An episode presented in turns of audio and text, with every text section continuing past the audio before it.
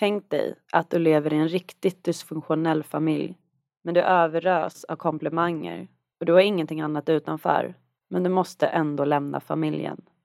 I ett försök beskriver Jimmy Andersson hur det var att leva i och lämna ett kriminellt gäng.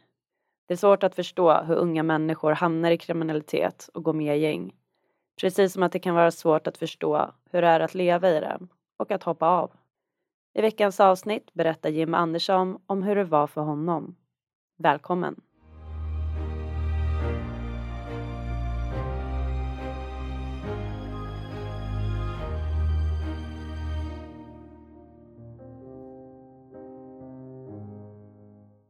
Hej och välkommen till veckans avsnitt av Idéburen välfärd. Jag heter Jonny Ekdahl och är kommunikatör på Skyddsvärnet. Och med mig idag så har jag Jimmy Andersson. Välkommen! Tackar, tackar! Hur mår du? Ja, men jag, är, ja, men jag mår bra. Spänd, lite taggad. Det här ska bli kul. Ja, kul! Kan du berätta lite grann vem du är idag och vad du gör idag? Ja, idag ser jag mig egentligen som nummer ett som pappa. Därför det är den viktigaste delen i mitt liv. Jag har en flicka på åtta år som jag är ensamstående med. Och jag eh, jobbar med ungdomar i utanförskap och som har problem med kriminalitet, missbruk och ja, sådana typer av problematik, problematiker. Så det är min syssla för dagen. Om jag hade ställt samma fråga till dig för ungefär tio år sedan, vad tror du att du hade svarat då? Tio år sedan så hade jag redan påbörjat min resa från mitt destruktiva liv så att eh, ja, jag var klar med det jag hade gjort innan. Med allt från kriminalitet till gäng. Eh, så att jag tror att jag hade svarat att jag ville vara där jag är, är idag. Om vi backar lite ännu längre bakåt då?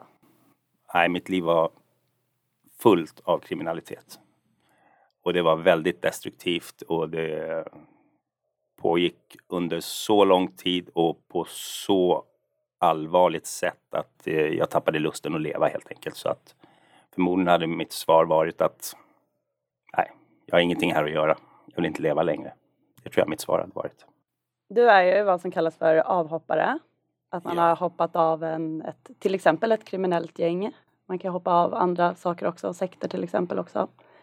Um, vad, vad innebär det för dig att vara avhoppare? Ja, men egentligen när jag är själv, om man säger på min vardag, så innebär det inte särskilt mycket. Men i form av mitt arbete och inom mitt yrke så betyder det massor för att jag har förmågan att kunna relatera till mycket av det dagens ungdomar går igenom. Jag kan känna igen mig och jag kan skapa ett förtroende med de ungdomar som jag jobbar med som har de problematikerna som jag har haft och är i de situationerna som jag har gått igenom. På så sätt så är det en erfarenhet som är väldigt värdefull för mig idag. Hur, eh, hur har du växt som person själsligt? Ja, men på jättemånga olika sätt. Eh, ja, jag, tror, jag tror att när jag hoppade av så var andlighet en stor del i, i, ehm, ja, men i mitt liv. Det hade stor betydelse för att kunna hoppa av och jag var på ett ställe som heter Korpberget där man jobbar mycket med andlighet och tolvstegsprogram faktiskt. Så att just under den tiden jag hoppade av så blev det en stor del i mitt liv.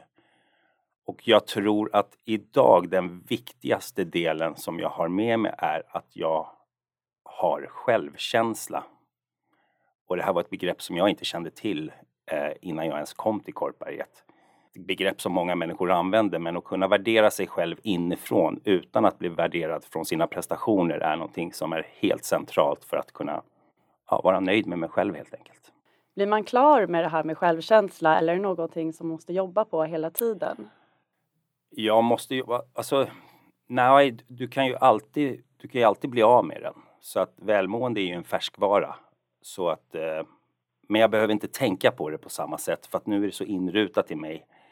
Det jag dock tänker på väldigt ofta är när jag jobbar med unga och till exempel när jag umgås med min dotter eller med hennes kompisar så har jag idag verktyg och metoder för hur jag ska åtminstone ja, men förbättra möjligheterna för barn att växa upp med god självkänsla.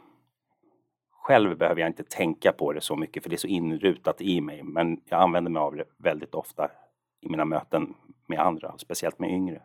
Hur värderade du dig själv eh, innan? Alltså som litet barn så var det nog bra, alltså som väldigt litet barn. Eh, men jag blev mycket, mycket bekräftad av prestationer.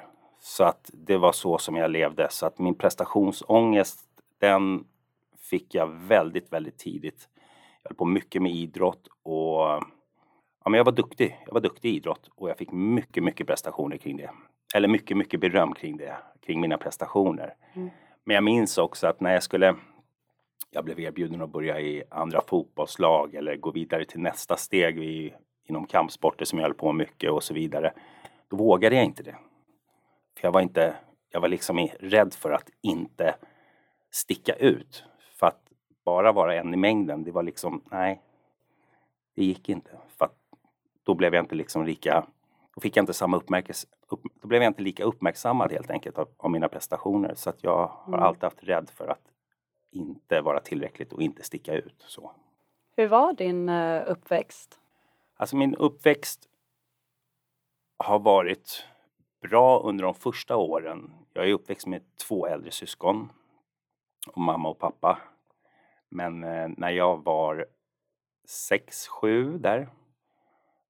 Eh, pappa hade eget företag, mamma var hemma med oss barn och eh, vi hade ett landställe som vi skulle flytta till och hade ett ja, väldigt gott liv. Lev, levde på en gård där det var massor med barn, lekte mycket. Men då helt plötsligt så begick min pappa ett bankrån helt enkelt. Så att istället för att flytta till landet som var planen, väldigt nära inpå, så fick jag besöka fängelse första gången när jag var sju.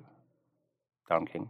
Hur var det som eh, så litet barn också? Att få den? Så, ja, jag, jag, jag, har, jag har bilder av när jag är där på fotbollsplanen i fängelset med honom men jag kan inte relatera till liksom, det är självklart att det var jobbigt Fast jag kan inte komma ihåg hur jag kände. Jag har inte så mycket minnen från min barndom.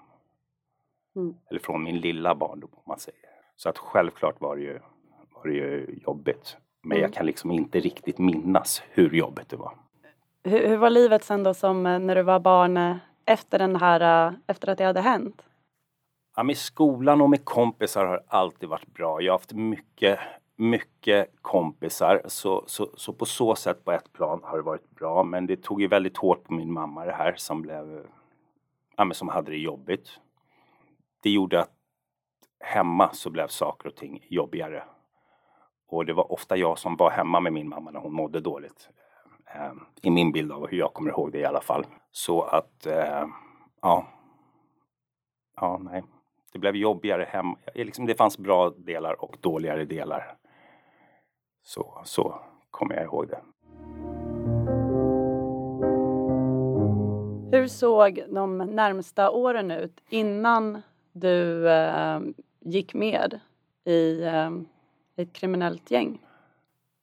Ja, eh, jag gick med, då var jag 20, kanske om det var precis innan eller precis efter ska jag låta vara osagt. Men åren innan var... Jag började jobba som dörrvakt när jag var 17 och där egentligen började våldet prägla mitt liv. Det var väldigt mycket våldsamheter. Jag blev knivhuggen första gången jag var 17 år. Allt hände där jag jobbade på, på krogen. Och, och ja, det livet började ta väldigt mycket fart. Så det var väldigt mycket våldsamheter. När jag är 18 så går jag ut på jag gillade inte dricka särskilt mycket på den här tiden. Inte som mina kompisar, alla festade tidigt, men jag tränade väldigt mycket och höll på mycket med kampsporter. Men när jag var 18 så går jag ut på krogen med några kompisar och det slutar i ett stort bråk som genererar att jag får sex månaders fängelse. Från att aldrig ens haft med polisen att göra innan. Så att, mm.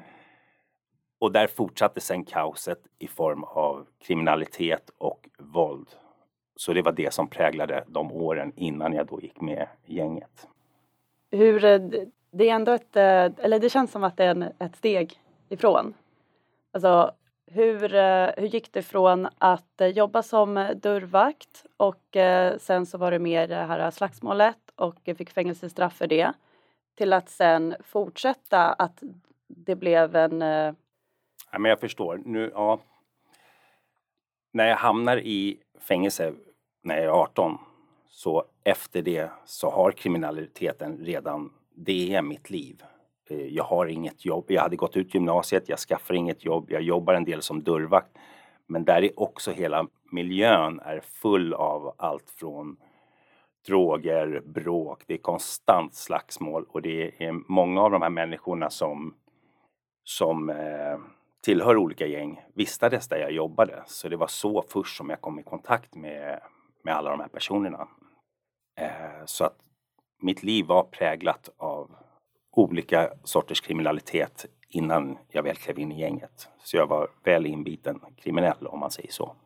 Hur, eh, hur, gick, du, hur gick det till när eh, du blev, eh, du blev erbjuden att vara med i ett gäng, eller? Ja, jo, ja, no, nej men så, så, så var det precis.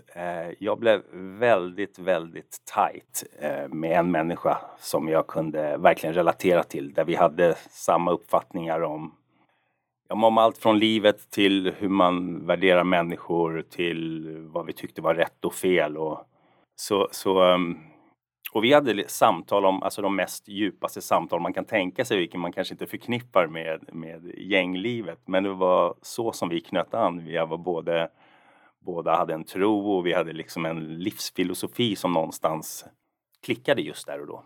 För innan jag klev med så var jag absolut inte åt gängsidan utan jag, jag gjorde mycket saker som ja, inte var rätt helt enkelt. Men jag gjorde det ofta ensam eller med dem jag tyckte om, inte så här i större grupper. Så den här mannen, han startade ett gäng helt enkelt. Och så frågade han om jag ville, om jag ville vara med. Så mm. så var min inträdesport. Och jag mm. sa ja. Vad var det för livsfilosofi som ni delade? Nej, men det, det handlade mycket, och jag vet hur det här kan låta konstigt, men det handlade om att de saker vi gör ska göras att vi har rätten på vår sida. Till exempel i, ja, men i olika konflikter och där våld är en stor del av det såklart, så var det viktigt för oss att inte ta, liksom stå och ha gjort fel innan och kanske ja, att lurat någon eller svikit någon och så sen försvara det mot de som egentligen hade rätt i själva konflikten. Och jag förstår hur motsägelsefullt det här kan låta som om eh, kriminella och gängkriminella kan ha någon, någon eh, ja, vara goda människor. Men det, det, var så åtminstone som vi intalade oss själva att vi levde. Och det var väldigt viktigt för oss. Mm. Um, jag la ut en uh fråga på vårt Instagramkonto Skyddsvärnet om uh, våra följare hade någon fråga till en person som har uh, hoppat av. Jag tänker att det är inte så ofta som man får chansen att sitta ner och prata. All right, spännande, kör. Ja, så att det här var en fråga som jag tog med mig och den kanske du delvis har svarat på. Men eh, varför gick du med och visste du att det var fel och kriminellt? Och personen hälsar även stor respekt för att du hoppat av och all lycka. Ja, börja med att tacka så hemskt mycket. Eh, ja, jag visste att det var kriminellt och att det var fel. Ja, men absolut. Ja, men det, det vet, det tror jag att, ja, nu sticker jag ut hakan, men det tror jag alla vet. Jag kan inte tänka mig att det är någon som inte vet det. Eh, ja, men varför jag gick med, det var, ja, men det var mycket med våran relation som jag beskrev, hur vi, hur vi, eh, hur vi klickade. Att han startade det här gänget och jag hade inte haft, jag hade ärligt talat inte haft en tanke på att gå med i ett gäng innan. Ja, jag önskar att jag kunde ge något, något, något, något annat svar, men det är nog svaret. Och ärligt talat så visste jag inte vad det skulle leda till heller, så att jag hade ju en glorifierad bild av vad som skulle ske med det här gänget och när vi pratade i början om vad vi ville göra så och det här säger jag inte bara nu i efterhand utan det handlade också om att göra saker och ting för, för unga. Goda saker och ting för unga. Vi försökte initialt att starta en boxningsförening ute i Flemingsberg som skulle liksom ja, hjälpa till att få bort unga och så. Så vi hade sådana idéer också men de höll inte ska jag ju ärligt tala om. Vart var det de där planerna gick eh, fel? Nej, men det var att få till strukturen kring det hela. Liksom, saker och ting måste ju skötas, det är inte bara göra utan åtar man sig någonting så är det tider, det är saker som ska hållas. Det, är liksom, det gick inte att dubblera kriminaliteten, eller det kanske skulle ha gått för andra. Det gick mm. inte för, för oss helt enkelt. Fast i våra huvuden så hade vi initialt med sådana här planer om vad vi skulle kunna göra också. För det är någonstans också ett sätt att när jag, jag menar vad jag än säger till mig själv i huvudet så inuti min kropp så vet jag ju att alla de här felen jag gör, alltså de tär på en. Så att då också vid sidan försöka göra någonting gott, det är ju ett sätt att försöka plåstra såren och intala sig själv att ja, men jag är inte så illa. Liksom. Det är inte så illa mitt liv som det kanske än är. Så att man ransakar sig själv, eller jag tror att det var en del åtminstone i mitt liv, att försöka ransaka mitt, mina icke goda handlingar genom att göra någonting gott. Ja, man skapar en falsk bild av sig själv egentligen hur jag är. Vad var det som gjorde att du eh, började tänka på att eh, hoppa av? Jag, jag, kan inte säga att jag gick och tänkte på att hoppa av just gänget under så lång tid. Men jag tappade livsgnistan fullständigt. Och eh, jag hade ett självmordsförsök eh, en period innan, några månader innan. Och där jag efter det tänkte att nu måste jag i alla fall eh, söka, liksom, jag behöver prata med någon, det finns någon mening med mitt liv och, och så. Och sen hamnade jag i häktet eh, 29 december 2003, kommer jag ihåg. det var då egentligen min resa började. Och inne på Kronobergshäktet så så har jag ett samtal med, de har präster som går liksom så uppsöker som man kan samtala med och eh, efter ett samtal med, med den här prästen som var här då så, så blir det bara som jag får en väckarklocka i huvudet och blir bara helt det blir helt tydligt för mig. Vad håller du på med Jimmy? Vad håller du på med? Och jag bestämmer mig där och då att göra precis allting annorlunda mot vad jag tidigare har gjort det.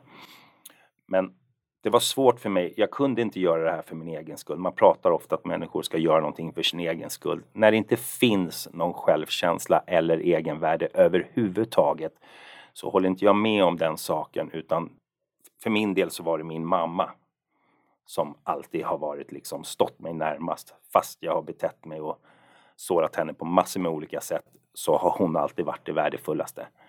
Så då jag började göra min, min resa, min eh, ja, min omställning i livet helt enkelt, så var det henne som jag var tvungen att fokusera på för att göra det för mig själv var helt, det, det, det, fanns inte på kartan utan det fick komma längre fram då jag började liksom kunna förlåta mig själv och, och känna att jag hade ett värde. Vad var det i, i samtalet som du hade med den här prästen? Jag förstår att det är väldigt eh, privat men eh, kan du dela med dig av någonting? Ja, nej men det, det, det är helt enkelt jag kommer inte kunna förklara varför det hade sån betydelse, men det är, vi diskuterar helt enkelt kring, han känner till att jag var självmordsbenägen. Och när han kommer in till mig så har det funnits tidigare åtminstone, jag är inte helt insatt nu på den kristna tron, men att om man tar livet av sig kommer man inte upp i himlen. Och jag ställer då en så helt löjlig men ledande fråga, för jag gillade att diskutera religion eller diskutera allt möjligt med människor och gärna säga någon fråga som jag visste att de inte skulle kunna svara på och så vidare. Mm. För jag tyckte, ja men jag hade den här bilden av mig själv att jag kunde så mycket.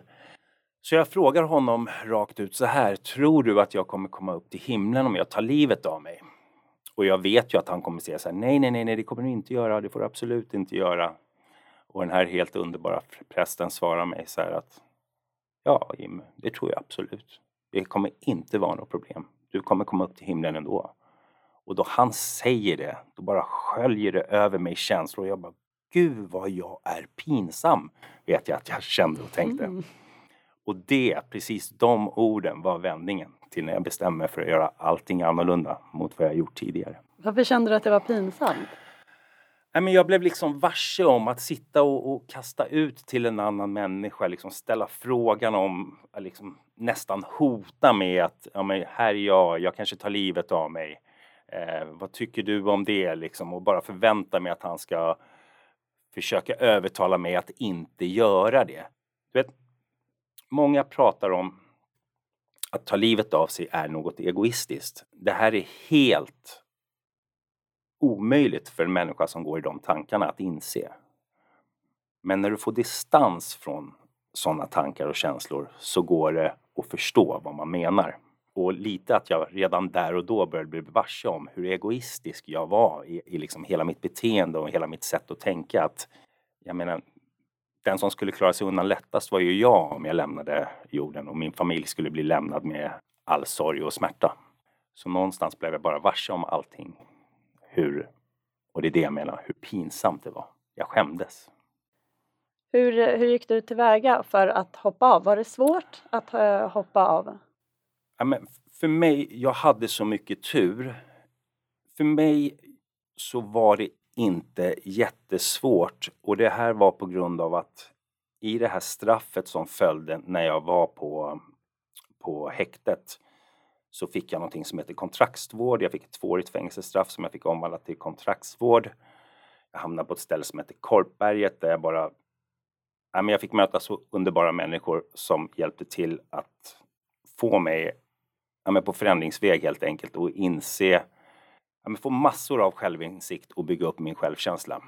Med det sagt så i det här så hade jag också, förutom min nära vän, så hade jag den högsta positionen i gänget. Så det fanns liksom ingen form av att någon annan skulle kunna försöka tvinga kvar mig eller något sånt. Det, det, det fanns inte. Idag är det inte lika lätt ska jag säga. Jag pratar ju mycket med ungdomar som är involverade i gäng. Men jag vill ändå säga att just där och då om man ser det ur ett ja, med ett skyddsperspektiv eller hur ska jag säga det, i frågan om att det fanns någon fara kring det. Mm. Nej, det gjorde det inte för mig. Inte vad jag såg i alla fall. Men däremot så när jag väl klev av och ändrade mitt liv så var jag helt ensam för jag hade inga vänner som inte tillhörde jag hade vänner utanför gänget men då var de kriminella på andra sätt. Så att mm. det var helt tomt med människor när jag väl klev av. Då kan jag ta nästa fråga som jag fått från en på, på Instagram då som undrade om, om du har några vänner kvar från det här gänget. Går det att ha det? Nej, eh, han som jag var nära med som startade gänget har också ja, för några år sedan också klivit av och ändrat liv fullständigt. Mm. Eh, vi kan ha telefonkontakt vid något tillfälle men, eh, men nej, i övrigt så ingen. Precis ingen. Det kan ju vara lite svårt för personer som inte är eller har varit i kontakt med en eh, kriminell livsstil eller värld eller gäng att förstå vad det är att vara i det och sen att eh, hoppa av. Går det att jämföra den eh, processen eller vad som händer med någonting som kanske händer i gemene mans liv som man måste kanske avsluta eller eh, Ja, eh, om jag ska försöka sätta det i någon typ av parentet så, så kanske... Jag vet inte. Jag kan tänka mig leva i en, i en riktigt dysfunktionell familj men där du överrös av komplimanger hela tiden. Där familjen liksom inte är fungerande på något sätt i form av beteenden, hur de behandlar sina grannar eller någonting. Och du lever i det här dysfunktionella men du blir överröst av komplimanger och du har ingenting annat utanför. Men du måste ändå lämna familjen. Jag vet inte om det där gjorde det. Det var jättebra! Jag, jag försökte mitt bästa där. Så, ja. Vad var den största omställningen då? När man tar sig ut ifrån den här dysfunktionella familjen och ut i det som man, när man inte har någonting? Omställningen var mötena med andra människor och och sättet att, att hantera normala relationer. Nu hade jag ändå... Jag hade ju... Jag var ju inte med liksom i kriminaliteten jättetidigt i början av tonåren eller liksom hade stora bekymmer då med den känslomässiga problem som jag hade gått igenom. Jag hade liksom inte halkat snett så jag hade ju ändå en bra social förmåga om man säger så. Jag använde mig av ett vårdat språk. Men det var de här mötena och ja, men kunna se, kunna, kunna våga skapa nya kontakter helt enkelt med människor som hade levt ett helt normalt liv och, och liksom påminna mig om att nej, men det är helt okej okay för mig. Liksom, jag har också ett värde, jag kommer inte bli sedd på, på ett eller annat sätt utan jag, jag kommer kunna värderas utifrån hur jag är nu. Mm. Och det känner jag också att jag blev. Eh, så ja, jag vet inte om jag var lite luddig där men mötet med nya människor som levde normala liv, det tror jag var den stora omställelsen. Mm. omställningen. Kändes det ensamt någon gång? Ja, väldigt, väldigt ensamt. Men samtidigt så hade jag med mig så mycket, så mycket välmående inuti mig. Så, att, så, så det var inte så att det blev ensamt i form av att jag led av det. Men hade jag inte haft Korpberget så hade det varit, tror jag inte att jag hade klarat det. För att jag fick med mig så mycket där som en människa som idag säger vi är inne i ett gäng och bara hoppar av. Jag, jag, jag tror inte att jag hade klarat det. Jag tror inte att jag hade klarat det. Om du ser tillbaka på, på ditt liv, finns det något tillfälle eller någon händelse där du kan säga, hade inte det där hänt? Ja men absolut så hade ju eh, saker och ting kunnat blivit annorlunda. Jag menar innan jag, när jag är 18 år här och går ut och hamnar i ett stort bråk som genererar i att jag får bli dömd för ett par grova misshandlar och ett par vanliga misshandlar som genererar fängelse så hade jag till och med planer på att jag tänkte att jag, jag kan bli polis. Det tycker jag var ett fantastiskt yrke. Så, men om nu den här händelsen hade uteblivit så kan jag inte vara säker på att det inte hade hänt någon händelse framöver. Sen kan jag ju backa bandet också och se att om min pappa inte hade varit involverad i ett bankrån så är det väl kanske troligare då att ja, då hade vi flyttat och så hade det varit ett helt annat liv. Men jag kan ju inte vara säker på då heller att eftersom min pappa var väldigt impulsiv, någonting som jag ärvde, att det inte hade skett någonting annat under resans gång. Så att, lite svårt att svara på, men det är mm. två stora delar i mitt liv tror jag som, ja, där det kunde ha gått annorlunda. Många händelser formar ju våra liv och tar just dit vi är idag. Hade du velat ändra på din bakgrund? Alltså jag, ja, självklart. Alltså jag, jag hade velat ändra på alla, om, om jag säger så här, allting som jag har gjort som har sårat någon annan människa skulle jag såklart vilja ändra på. Samtidigt så skulle jag inte vilja ta bort de, hur säger jag det här nu på rätt sätt? Jag skulle inte vilja ta bort de förmågor eller de erfarenheter som har skapat mina förmågor idag att kunna hjälpa andra människor. Och när jag säger att jag inte skulle vilja ta bort de erfarenheter så blir det lite motsägelsefullt för erfarenheterna har jag ju fått genom att leva det liv jag har gjort. Så ja, ni får ha lite förståelse där att mm. jag önskar att jag har kvar alla mina möjligheter och förmågor som jag har fått genom det liv jag har levt. Den förståelsen som jag kan ha när jag jobbar idag med unga människor, den vill jag ha kvar. Men såklart hade jag aldrig velat skada en annan människa idag om jag fick backa bandet. Om gängkriminalitet är ju något som vi eh, ser mycket av i, i media och framförallt just nu efter rapparen Einars död. Vad ser du behövs för att fler ska våga hoppa av och kunna hoppa av gäng? Om vilka insatser behövs och vart ska ansvaret ligga? Det är så mycket och så svårt idag. Senast häromdagen pratade jag med en ung tonåring som, men som har varit involverad i grova, grova våldsbrott. Eh, han beskriver att, nej men hur, när, jag kommer och har ett samtal med honom så frågar han, men hur ska du kunna hjälpa mig? Liksom, jag, jag kommer bli skjuten när jag kommer ut. De kommer försöka mörda mig, det, det, det är helt säkert. Ja, hur kan jag hjälpa dig egentligen? Vad som behövs, tror jag, för att ens göra det möjligt för någon att kunna hoppa av som ligger så illa till till exempel. Det finns ju olika grader om vart du befinner dig, vad du har varit med om. Finns det ett pris på dig? idag så blir ju väldigt många tidigt involverade i grova våldsbrott och då vill de andra gängen ofta skada eller döda de människorna. Ofta döda de människorna idag. Det är så hemskt, det har förändrats. Mm. Men då behövs skyddsboenden. Det behövs tillgängliga skyddsboenden på andra adresser för att ens göra det möjligt för en människa idag som är så utsatt att kunna få leva vidare.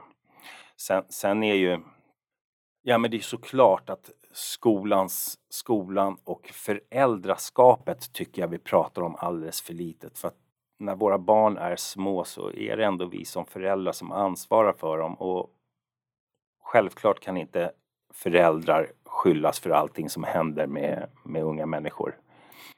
För växer upp i ett samhälle där kriminalitet är, ja, men är, är vardag, där många unga håller på med grov kriminalitet och i, i den miljön dina barn växer upp så är det klart att det är mycket, mycket svårare.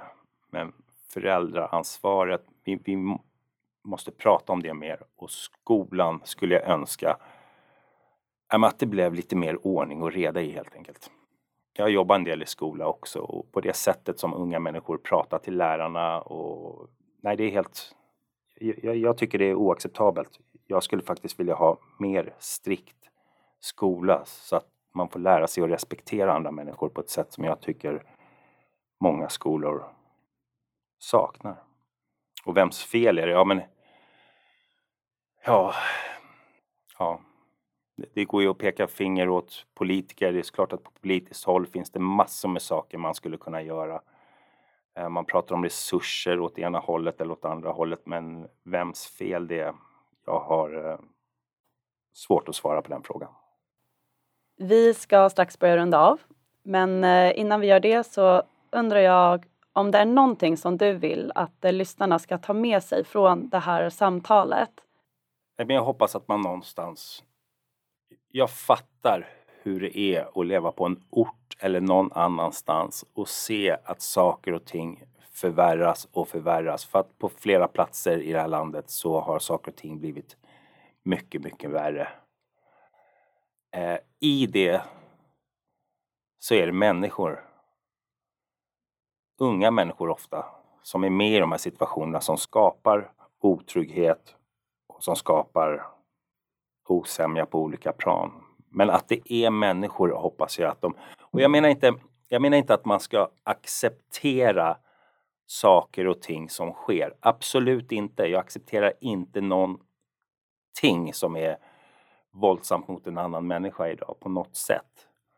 Men jag tror det är viktigt att ha förståelse åtminstone att till exempel om du kommer från ett land och varit, vi säger att du har vuxit upp som barn och sett krig. Och så kommer du hit till Sverige och hamnar i konflikt. Men hur löser man en konflikt? Jag, jag tror att det är viktigt, jag vill att de tar med sig förståelse helt enkelt. Det här är väldigt svårt att förklara så att det kanske blir på ett sätt som som blir tydligt men ha mer förståelse kring människors situationer acceptera inte det som händer. Försök förstå varför det kan ha hänt. Det är det jag vill att någon tar med sig. Då har jag kommit till min absolut sista fråga och det är en som jag ställer till alla gäster. Och right. det är om du kan berätta något som är lite oväntat om dig själv eller något som är roligt. Ja, eh, ja men ja, jag vet inte hur jag ska säga oväntat eller så. Jag har ju berättat att jag har hållit på mycket med idrott när jag var ung. Men eh, lite oväntat ändå är väl från att vara levt den livsstilen jag har gjort till att jag är friidrottstränare. Jag har varit gympatränare, jag har varit fotbollstränare och jag har varit baskettränare. Klar. Ja, det... för barn. Mycket coachning. Ja, så att eh, ja, ja det är väl det. Eh, ja, men det är lite, det är lite roligt kan jag känna i alla fall. Ja. Och jag trivs så himla bra med att jobba med unga människor. Men eh, ja, då får jag säga tack verkligen för att du ville komma hit. Tack själv. Tack för att jag fick komma. Mm -mm, tack. All right. Och om du som lyssnar har tips på ett ämne eller en gäst som du vill att vi ska ta med i podden, skriv då till nyheter skyddsvarnet.se. Tack för att du har lyssnat.